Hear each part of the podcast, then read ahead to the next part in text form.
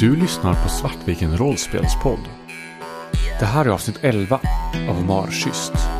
Bristande barriärer.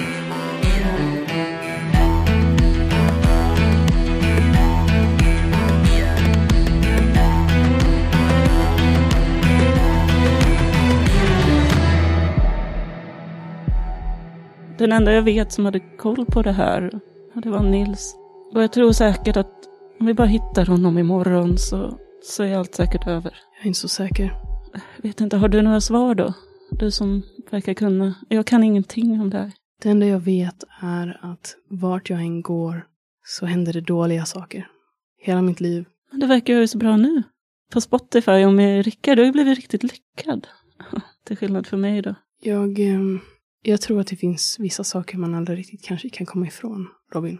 Och det är också en anledning till att jag faktiskt kom tillbaks nu nerför den här klassåterträffen. Jag känner att det finns vissa saker jag, jag lämnade här i Uddevalla som, som kanske aldrig riktigt lämnade mig. Vad menar du? Jag, jag vet inte. Jag, allt jag vet är att, att dåliga saker händer. Och jag skulle vilja att de inte gjorde det. Jag skulle vilja bli fri från det. Om du förstår. Jag förstår. Och jag lägger en hand på din axel.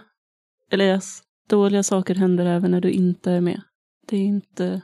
Det kan hända bra saker vid dig också. Jag sträcker mig ut eh, nästan instinktivt eh, så som jag brukar göra. Med eh, förmågan jag haft hela mitt liv. Vad känner jag från Robin? Vad känner du just nu?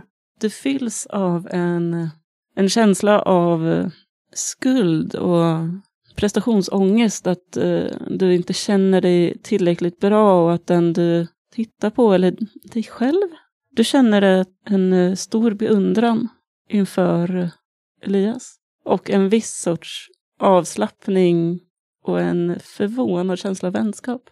Det är inte någonting som är vanligt. Men det var inte skönt att, att snacka.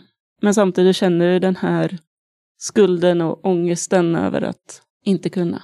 Och att eh, allt är ens eget fel. Det ekar bitterljut och Elias vill någonstans bara stanna i den här värmen som Robin känner för honom. Och vill inte att den ska ta slut. Men till slut så, så måste vi nog ändå sova. Och då tror jag att Robin nog somnar först. Och långt in på småtimmarna så ligger Elias klarvaken och bara tittar på dig. Ni glider in i sömnen och ni befinner er än en gång tillbaka på lägerplatsen. Och än en gång så är marken här täckt av de här blå-lila bladen. Men ni ser inte den förvridna Yoshiko. Ni ser inte den döda korpen. Ni ser inte kvinnan. Robin, du är på väg in i Rogers tält för att flirta med honom. Du känner blickarna som stirrar på dig bakifrån, från lägerelden. Men någonting är inte riktigt som du minns det. När du öppnar upp tältet och kryper in till Roger så är han inte avvärjande. Han är välkomnande. Du kan se ett rasande stånd i hans byxor när du kryper in. Han flåsar av upphetsning. Erik ligger med ryggen mot er, ihopkrupen i fosterställning. Han gnyr. Du kan se Rogers blick och den verkar brinna. Vad gör du? Jag är på väg in och sjunga min sång om Åh Roger, kom ut ikväll. Eh, Men fastnar mitt i, i ett ackord. Han börjar hasa sig upp på i halvliggande ställning. En tanke far genom mitt huvud att ändra om sången till Åh Roger, kom ikväll. Men det är lite för skämmigt och lite för läskigt just nu. Och inte alls vad jag förväntat mig. Jag blir eh, högröd i ansiktet och drar igen eh, tältduken när jag fort tar mig ut därifrån igen. Och även genom tältduken så kan du se hur någonting står upp i hans byxor. Ni befinner er i Anettes kök. Anette står vid spisen och röker. Cigarettröken dras upp genom köksfläkten men hela rummet stinker likväl. Anette tittar sorgset på er. Jag hatar att behöva göra det här inför dina, dina kompisar Elias, men du har varit stygg igen. Men eftersom du har vänner på besök så behöver du inte sitta på din plats. Kom hit. Och vinkar dig till sig. Mina axlar sjunker ihop och jag sänker hakan mot bröstet och går fram till Anette. Det här är en scen obekant för Robin och Annie. Men på något sätt känner ni er ändå som att ni hör hemma här. Anette tycks torna upp sig över dig. Som om hon vore flera meter lång. Hon stryker dig ömt på kinden. Cigarettröken slår mot ditt ansikte.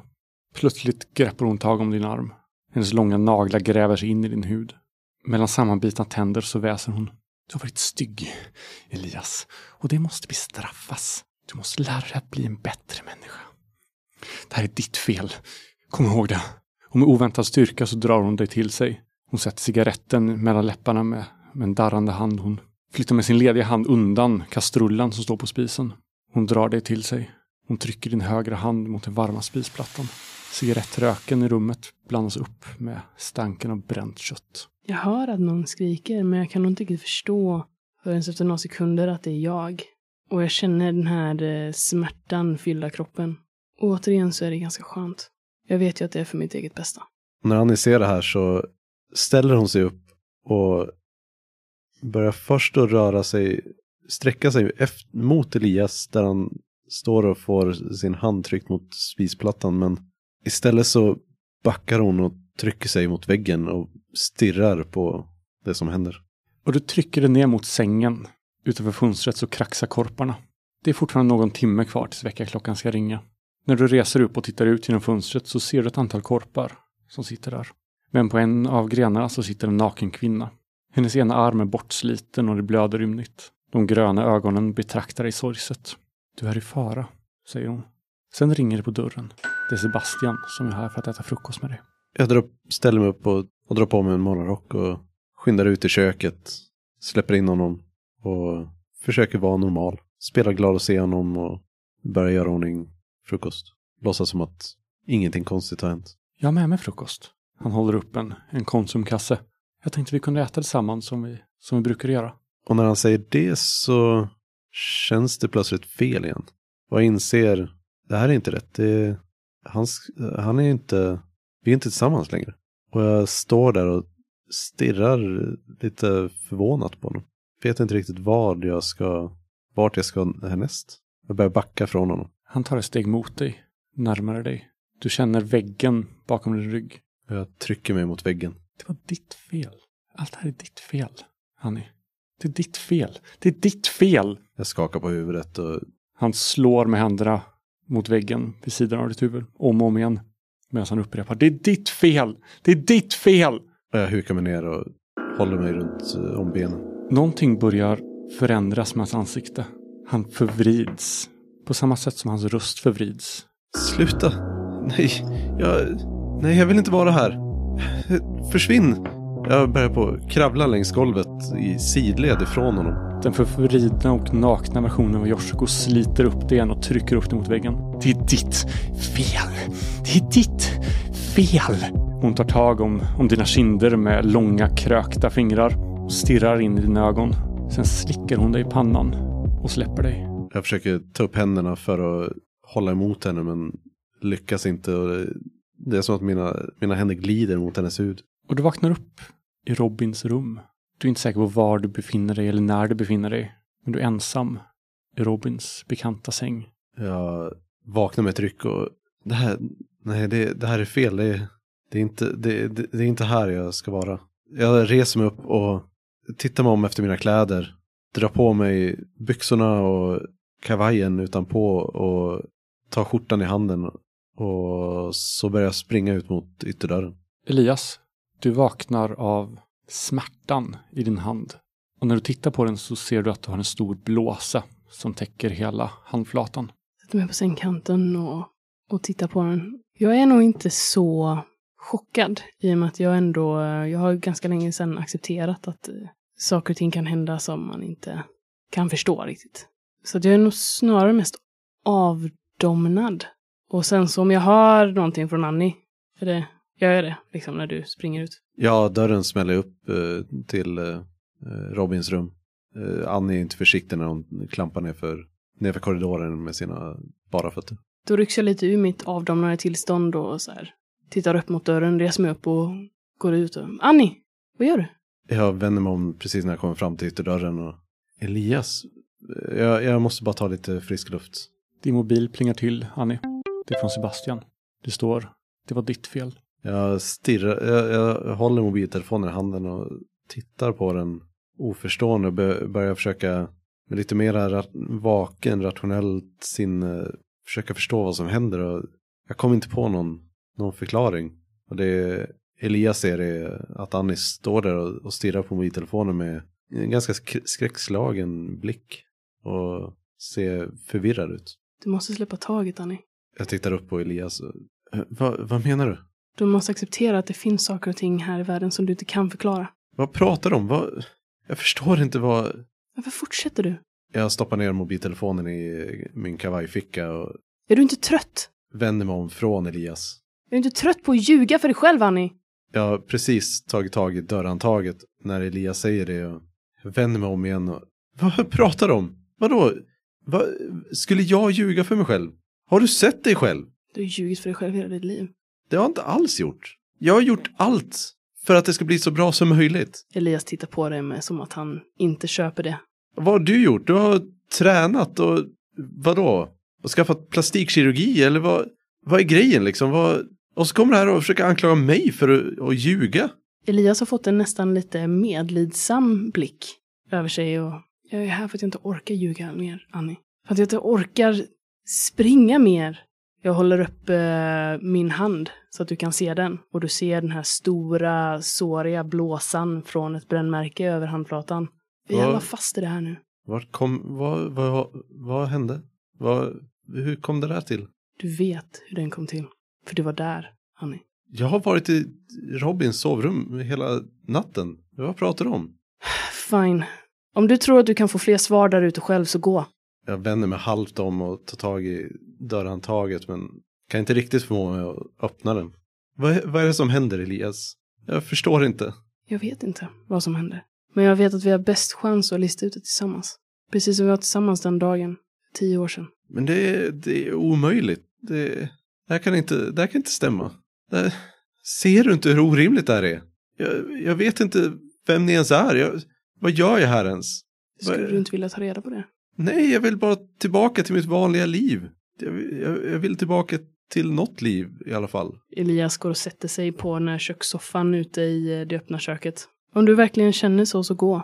Men jag... Vad, vad är det du vet som du inte säger? Kommer det här fortsätta om jag går? Jag, jag vill inte ha de här drömmarna. Jag vill lä- lämna det bakom mig. Jag, jag är klar med det här nu. Det, Jag tror inte du kan det. Jag tror inte någon av oss kan det. men vad ska, vad ska jag göra åt det? Jag vet inte, Annie. Jag har inga svar. Jag vet bara att om, om du vänder det här ryggen och, och, och går nu så kommer ingenting att bli bättre. Jag följer efter Elias in i köket och sätter mig diagonalt tvärs över bordet från honom. På en, en av pinnstolarna. Vi är fast i det här nu. Vi måste bara acceptera att det här händer oss. Hur kommer det sig att du, du är så bekväm med det? Jag tittar väldigt olustigt på Elias hand och den här stora blåsan som i handflatan. Jag har något bra svar till dig, men Annie säger inget mer utan sitter där tyst och tittar ner över bordet med Elias ögonvrån. När du vaknar Robin så inser du att du har aldrig känt sån här skam tidigare. Sån här skam över dig själv och över din kropp. När du vaknar med insikten av, att, av ett, av ett dunkande i skrevet. Och du känner på något sätt både lustfylld och äcklad på samma gång. Och skammen sköljer över dig. Jag vaknar med en väldigt ångestfylld och förvirrad känsla. Det är som att min kropp säger emot mitt psyke och min äckelsmak som jag har i munnen efter det jag drömt. Eh, men samtidigt det här ståndet, det här känslan. Det är så förvirrande men och så skamligt. Jag har aldrig riktigt berättat för någon om min läggning. Och jag har, ja, fram tills jag träffade Elias nu, inte riktigt vetat hur någon skulle kunna ta det. Men jag skulle ju aldrig kunna berätta för det för Elias.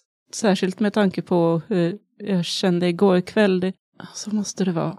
Det måste vara något konstigt som har blandats ihop.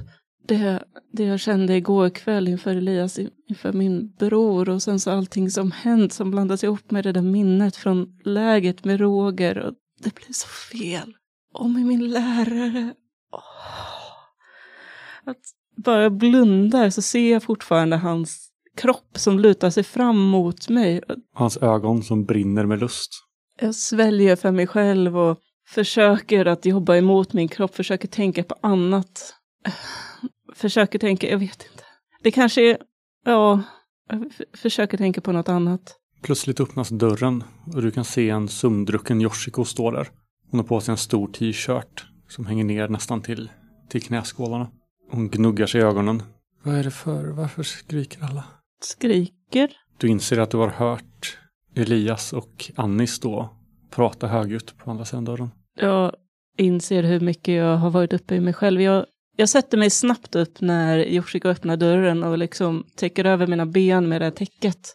Eh, och börjar gnugga mina egna fingrar i ögonen och jag vet inte. Är allt okej? De låter... Vänta lite, jag, jag kommer ut och, och, och kollar vad det är. Och så väntar jag tills hon har stängt dörren och sätter på mig kläder. Eh, aktsam om att det är ganska pösiga kläder. Och, men den här, jag tror att mycket har släppt av att höra Annis gälla skri. Och jag öppnar dörren och går, försöker gå bort till där de är. Du har lyssnat på Svartviken rollspelspodd som spelar Skrömt. Skrömt är skrivet av Kristoffer Warnberg och ges ut av Bläckfisk förlag. Musiken är gjord av Alexander Bergman.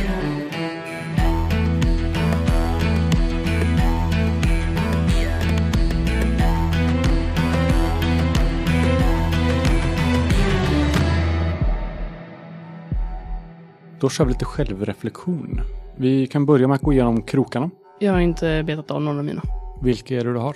Ta reda på sanningen från Anette och undersöka Robins ledtråd. Jag har inte aktivt tagit reda på mina.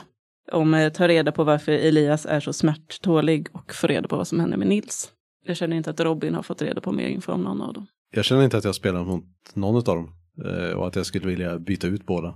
Det är nämligen min nästa fråga. Om det är någon som känner att någon av krokarna känns dags att byta ut. Får man byta ut båda eller måste man byta ut? Du får byta ut båda, men du får bara bestämma en av dem själv. Den andra bestäms av gruppen. Är eh, din krok om eh, Elias smärta fortfarande någonting du vill fortsätta eftersträva? Jag, vet, jag tror inte det. För att efter den här tillbakablicken så känns det som att Robin kan nog ana.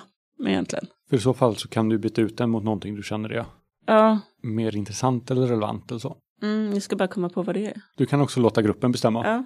Och sagt, bra krokar kan vara att så här konfrontera någon. Eh, Det är bra med, med aktiva verb, saker du gör, Mm. snarare än saker du får reda på kanske. Mm. Jag hintade ju om en hel del grejer nu. Som eh, vi dock inte pratade klarspråk om. Vad tänkte du på då? Nej men det här med att jag accepterar det här som händer oss. Mm. Och börjar prata om den här saker och ting vi inte ser och bla bla bla. bla. Det är bara som en så här, Ja. ett förslag. Eh, Min, eh, den krok som jag får bestämma själv eh, är få reda på vad Elias vet om det som händer. För helst ska krokar vara lite, alltså nästan lite konfrontativa. Just för att de ska skapa, det, krokar är en förkortning på dramakrok så att säga. Det är Mm. någonting som ska skapa konflikt och drama och framåtrörelse. Så nu måste ni komma på en av mina krokar också. Konfrontera Yoshiko på något sätt. Det var min spontana också. Alternativt något med Sebastian. Men, och jag vet inte vad hon skulle konfrontera Yoshiko om. Det kan också vara att, så här, att öppna upp sig inför. Eller, Avreagera sin frustration på Yoshiko. Alltså, det, hade ju inte varit en helt orimlig grej så här, man bara blow off steam. Alltså konfrontera Yoshiko är väl eh, tillräckligt generell för att vara, men fortfarande väldigt anpa- eh, användningsbar för det, tänker jag. det funkar. På något sätt bli av med den passiva ag- aggressiviteten i alla fall. Ja, som tryckte upp det mot en vägg och var allmänt creepy.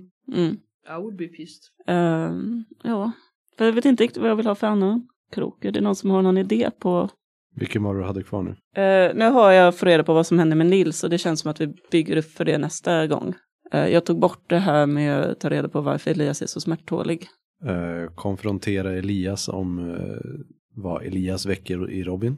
Jag tänkte också på någon sån Mm. grej. Alltså så här, eh, ta reda på vad, vad du faktiskt känner för Elias. Mm, Om det är lite, är lite... på något sätt. Eller kanske, eh, ja, nej. Tänker så här, fatta ett beslut om dina känslor för Elias. Ja, ja men det tror jag faktiskt på.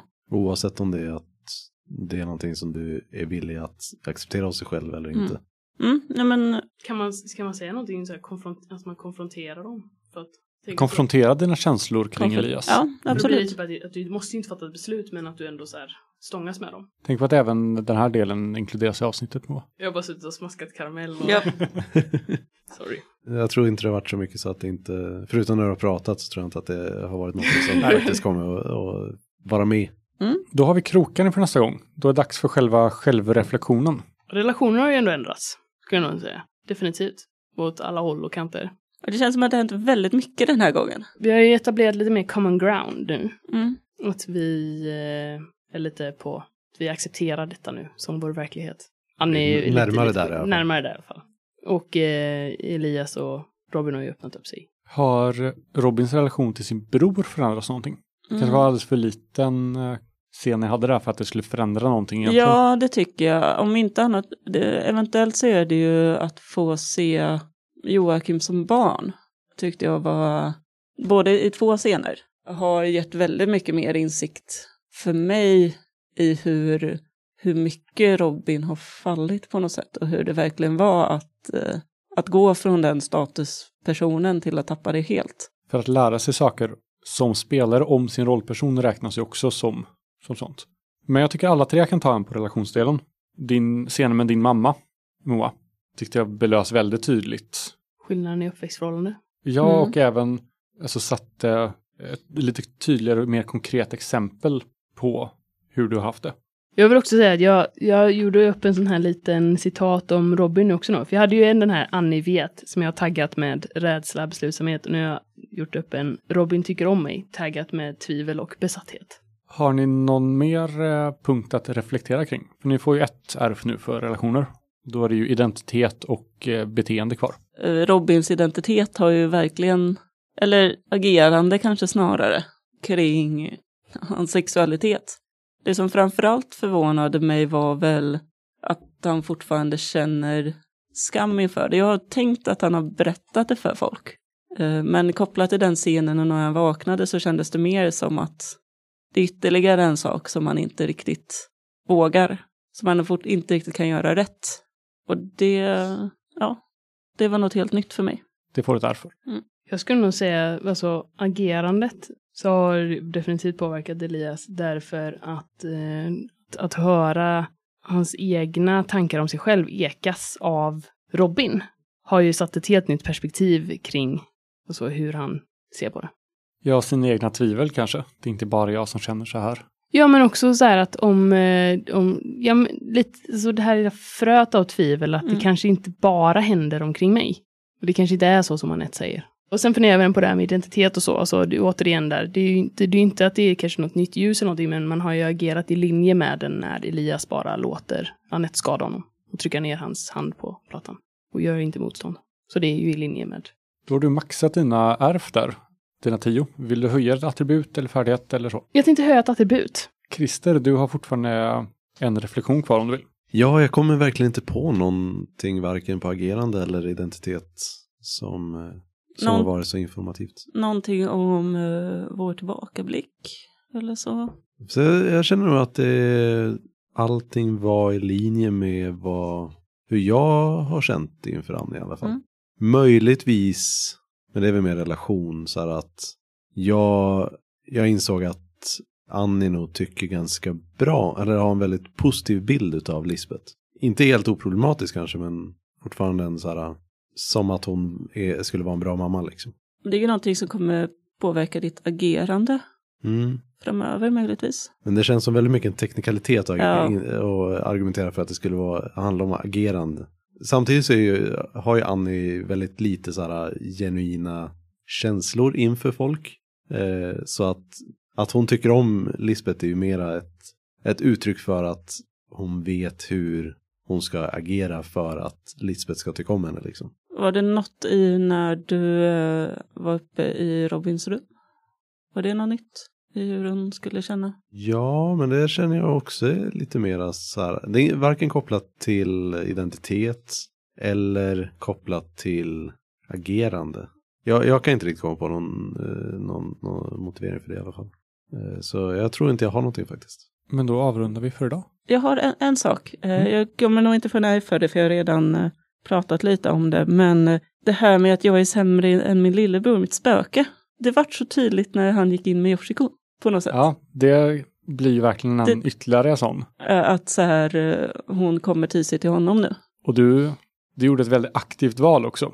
När du valde att låta dina behov gå före Yoshikos när du Mm. satte dig i framsätet. Du såg på Yoshiko att Hon är obekväm att sitta i baksätet. Precis. Och du valde att prioritera bort hennes behov för dina egna. Men jag kommer ju skylla allting på Joakim. Jag ser nog inte det. Nej. Men det tyder väldigt bra in i din eh, Ja, identitet. Verkligen. Då så. Då säger vi tack. Tack för att du har lyssnat. Gilla gärna vår sida på Facebook och lämna en recension på iTunes eller på vår Facebook-sida. Kommentera gärna också på avsnittets inlägg på Facebook-sidan om dina tankar och teorier om avsnittet. Vi blir alltid superglada när vi hör från er. Så tack så mycket.